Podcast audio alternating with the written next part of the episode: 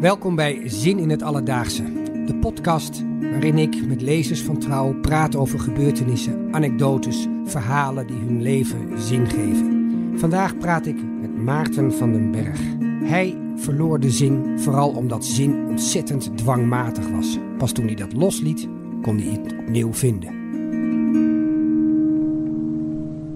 Uh, een van de dingen die ik nu sinds enige maanden doe, is dat ik actief ben als buurtbemiddelaar. Dus ik ben beschikbaar om naar mensen te luisteren die uh, ruzie hebben met de buren over wat dan ook. En uh, wat ik daar erg mooi aan vind, is dat ik dat eigenlijk zonder belang of zonder uitkomstverwachting of zonder oordeel uh, doe. Mm -hmm. En dat betekent dat mensen helemaal welkom zijn om hun verhaal te vertellen. En dat ik met hen um, ja, dan kan komen bij waar ze eigenlijk zo'n last van hebben. Niet zozeer de feiten, maar wat ze missen aan respect of veiligheid of vrijheid om hun eigen ding te doen. Um, en het mooie daarvan is dus dat, dat mensen zichtbaar ontspannen als er gewoon naar ze geluisterd wordt. Kun je daar een voorbeeld van geven? Want buurtbemiddelaar, dan stel ik me zo voor, een soort rijdende rechter. Een vreselijke nee, ruzie. niet eigenlijk. Nee, oh nee, maar vertel eens, hoe, hoe werkt ja. dat? Hoe gaat dat in zijn werk? Jij Kijk, wordt het, gebeld? Het verschil met de rijdende rechter is dat de rijdende rechter gaat een oordeel vellen. En ik vel nooit een oordeel. En, en ik doe het samen met een medebemiddelaar, dus wij luisteren. En doordat we mensen uitnodigen om naar elkaar te luisteren, um, gaan mensen merken dat de ander mogelijk met hetzelfde zit dan zij zelf. Behoefte aan uh, gehoord worden, gezien worden, gerespecteerd worden. En dat dat dus een verbinding gaat leggen over uh, die ruzie heen die daar, die daar speelt. Um, ja, bijvoorbeeld, um, ik spreek iemand die heel erg uh, boos is op de buurman al een tijd, omdat hij en zijn vrouw vroeg naar hun werk moeten en de buurman tot heel laat heel hard zit te praten in de tuin. En door gewoon dat verhaal van hem en de frustratie en de woede um, tot me te nemen, tot ons, we waren met ons tweeën, uh, tot het moment dat hij ook zegt van ja, ik hoef maar dit te doen en mijn zoon, die slaat hem dood. En ik zie dan achter hem een grote foto van een hele stoere jongen. En dan zegt hij, en dat doe ik niet. En dan zeg ik, nou, dat vind ik echt zo tof dat je, dat je, dus, dat, dus, dat je dus dan naar ons toestapt om de mogelijkheid te hebben dat we meekijken en dat we het gesprek met de buurman zouden kunnen aangaan. Um, maar er doemt dan natuurlijk toch een beeld op dat het heel erg mis is bij de buren. En dan gaan we even later, als we deze mensen gesproken hebben en alles op tafel is gekomen, gaan we naar de buren. En daar, even voor de duidelijkheid, je gaat naar de buren, dat is de man die zo hard praat. Ja, die dat verwijt krijgt. Ja, precies. En, uh, en, en, en, dan horen we het andere verhaal. En dat andere verhaal is echt anders. Um, dat gaat bijvoorbeeld over, ik kan het ook nooit goed doen. Uh, ik ga op mijn tenen lopen om geen overlast te veroorzaken. En, maar ik heb er last van dat het maar steeds doorgaat en dat het altijd zo vervelend van toon is en dat het zo dreigend is. Maar ik wil eigenlijk heel graag dat we als buren gewoon naast elkaar kunnen leven. En, um, en dan is ons, onze uitdaging eigenlijk om hen beide, beide buren, zover te krijgen uh, dat ze met elkaar in gesprek willen. Op een neutrale plek, niet bij een van de buren thuis. Um, dus dat is de eerste stap. En dan in dat gesprek, dan nodig ik opnieuw alle mensen die aan tafel zitten uit om alles te vertellen wat ze met zich meedragen. Opdat de ander dat ook hoort. Die hoeft het er niet mee eens te zijn, die hoeft het niet aan te nemen, maar die hoort het. En dan gaan we door totdat we eigenlijk merken dat beide alles verteld hebben. Dat ze alle frustratie ook op tafel hebben gelegd. En dat er dus vanzelf een soort ontspanning ontstaat. Eigenlijk ook alleen omdat wij als bemiddelaars geen spanning met ons meedragen. Um, dat we zeggen, fijn dat jullie dat doen. Ook als het heel zwaar is en mensen zeggen, en nou ga ik weg. En ze zeggen, goh, het, houdt je bezig. Hè? Het is echt belangrijk voor je dat je gehoord wordt. En, nou, en dan, um, dan komt er een moment dat, ze, dat we met elkaar kunnen zeggen: Is nou alles op tafel geweest? Zullen we dan eens praktisch kijken hoe, hoe, hoe jullie daar mogelijk een ander vervolg aan kunnen geven? Waar denk je dan aan? Dus dan is het weer aan hun, niet aan de rijdende rechter, maar aan hun, om, om te bedenken van, uh, oh, maar misschien als ik je nou een, een als we nou appcontact gaan krijgen, dan kan ik zeggen wanneer. Of die vriend praat ook wel heel erg hard, dus die zullen we niet meer uitnodigen. Of om half elf vriendelijk de deur uitzetten. En nou, dat, dat, en dat vindt dan plaats in een, uh, in een, in een situatie waar dus um, ja, het leven natuurlijk daarna gewoon weer verder gaat. Mm -hmm. hè? Mhm. Want die man die zegt dan nog, de, de, de, de, de man die zo, zo hard praatte, zei ja, en komende zaterdag ben ik jarig. Dus dan hebben we wel een feestje in de tuin. Maar dan zegt de aanmelder, die zegt, maar natuurlijk man, je moet gewoon je feestje kunnen vieren. Okay. Fijn dat we het weten. Nou, okay. die, hebben we dan, die bellen we dan een, een, een vier weken later op. Hoe is het nu? En beide zeiden van, het is helemaal opgelost. we Oh, hebben goed. gewoon contact. Ja. Maar dus, dus natuurlijk, het gaat ook niet altijd goed. Hè? Er zijn ook eh, ruzies die geen einde willen krijgen. Ehm, maar voor mij is het heel belangrijk dat ik niet eh, een einde moet eh, vinden. Dat is aan hun. Dus het enige wat ik kan doen is, is erbij zijn en beide partijen volledig accepteren in hun frustratie, maar ook in hun behoeften. En in hun vermogen om zelf tot een oplossing te komen. Want iedereen heeft dat vermogen. Als die daarin gezien wordt. Dus, ja, dus zo, ja, zo merk ik van hoe fijn het is om neutraal, um, eigenlijk zonder verhaal, beschikbaar te zijn voor het verhaal van een ander. Ja, maar dat is voor jou het zinvolle eraan. Dat dit zinvol is, dat hoeven we niet uit te leggen als mensen. Ja. Dus je hebben, en ze komen Ja. met een oplossing. Maar jij zegt zelf ook, het is ook voor jou belangrijk, voor jou zinvol. Nou ja, dat, dat merk ik wel steeds meer. Dat ik, wa- wat, wat, wat doe ik nou eigenlijk hier op aarde? Mhm. Ehm, en ja, dat zijn dan misschien twee woorden, licht en liefde. Du- du- Als ik, dus dat ik helder probeer te zien naar wat zich voordoet in me en om me heen. En dat ik ervan gehouden terwijl het gebeurt. En dat heb ik zelf natuurlijk enorm lang gezocht. Want ik, ik, ik snapte het niet. Ik, ik, ik wist niet waar ik die liefde kon vinden. Ik dacht dat ik die van de ander moest krijgen. En, eh, en, en ik En ging dat dus was van een alles. zoektocht? Dat was een, ja, dat was ook een zoektocht waar ik mezelf eh, eigenlijk heel erg heb, ehm, heb eh, beperkt, ehm, eh, gedwongen heb om, om maar te zoeken naar die verlichting. Ja, het, het was niet een soort actief dwingen, maar het was een niet vinden. En ik moest het vinden. Hè? Dus dat heeft me heel erg parten gespeeld. En- Hoe lang duurde dat?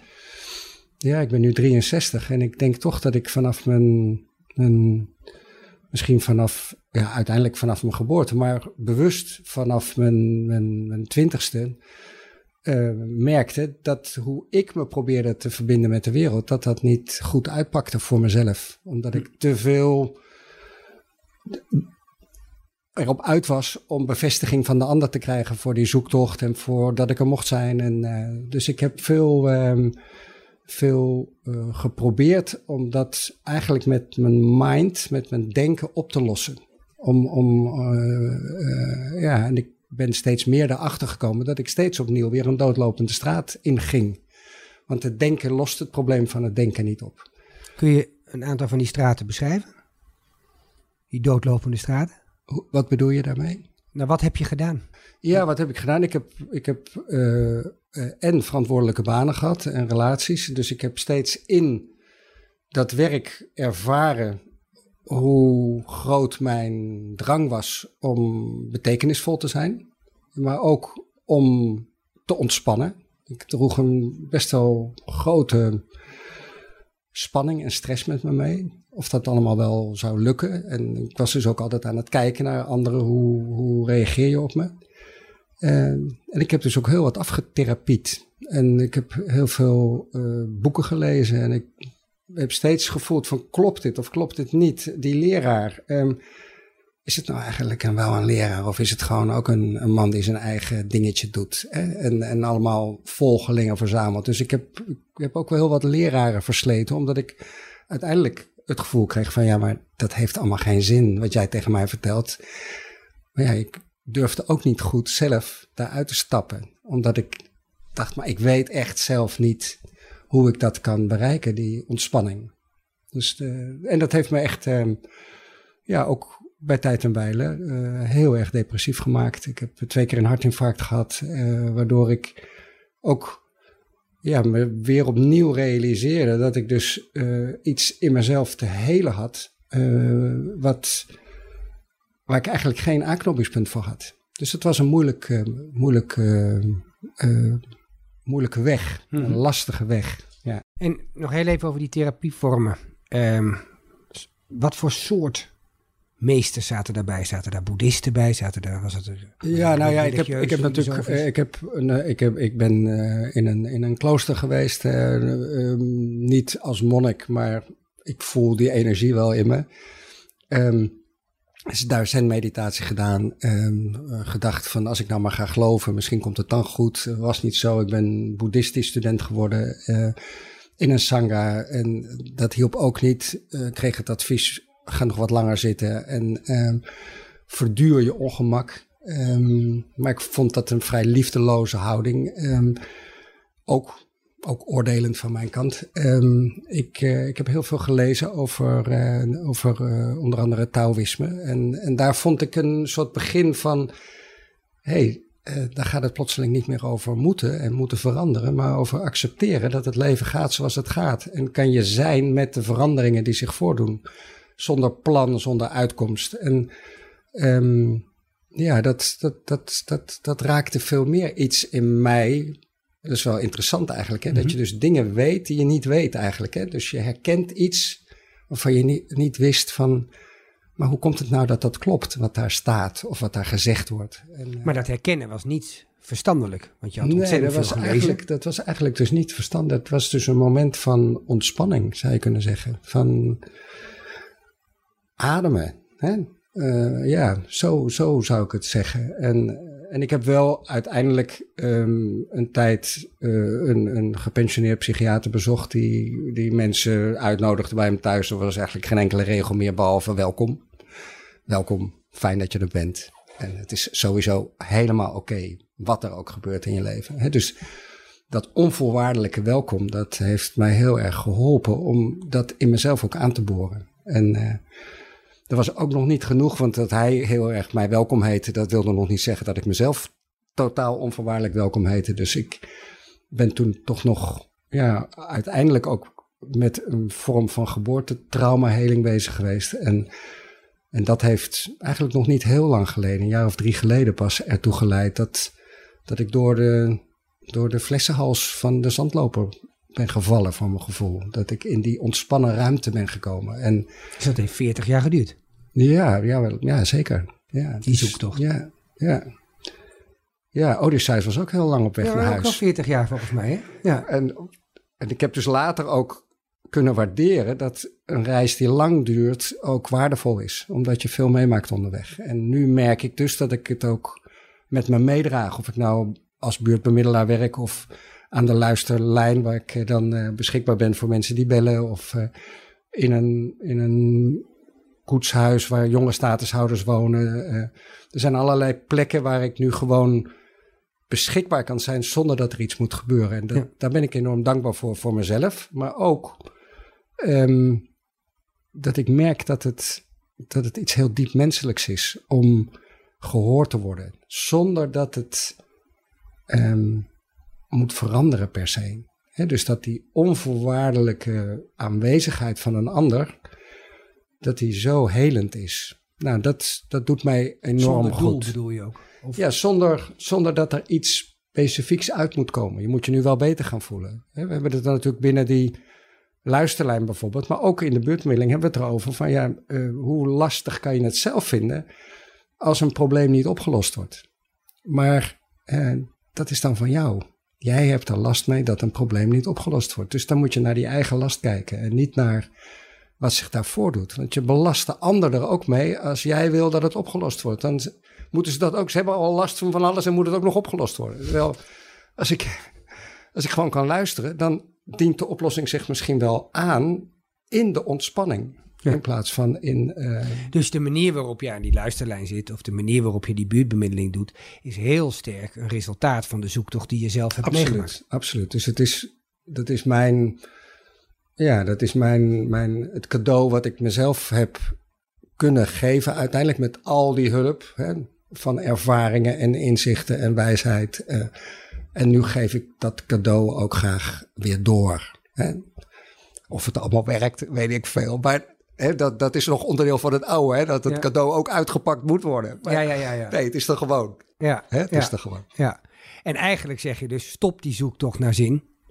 Want ja, voor mezelf, hè, voor mezelf. Hè, dus ik kan, uh, want ik, ik, ik zal niemand die zoekt naar zin zeggen dat hij moet stoppen met zoeken naar zin. Nee, ga door. Maar ik ben ontzettend benieuwd wat je meemaakt en waar het je brengt. En uh, ze zijn in een beetje in, in, in, ja, in, in, het, in het verlichtingsland, om het maar zo te zeggen. Er zijn heel veel leraren die zeggen: stop met zoeken.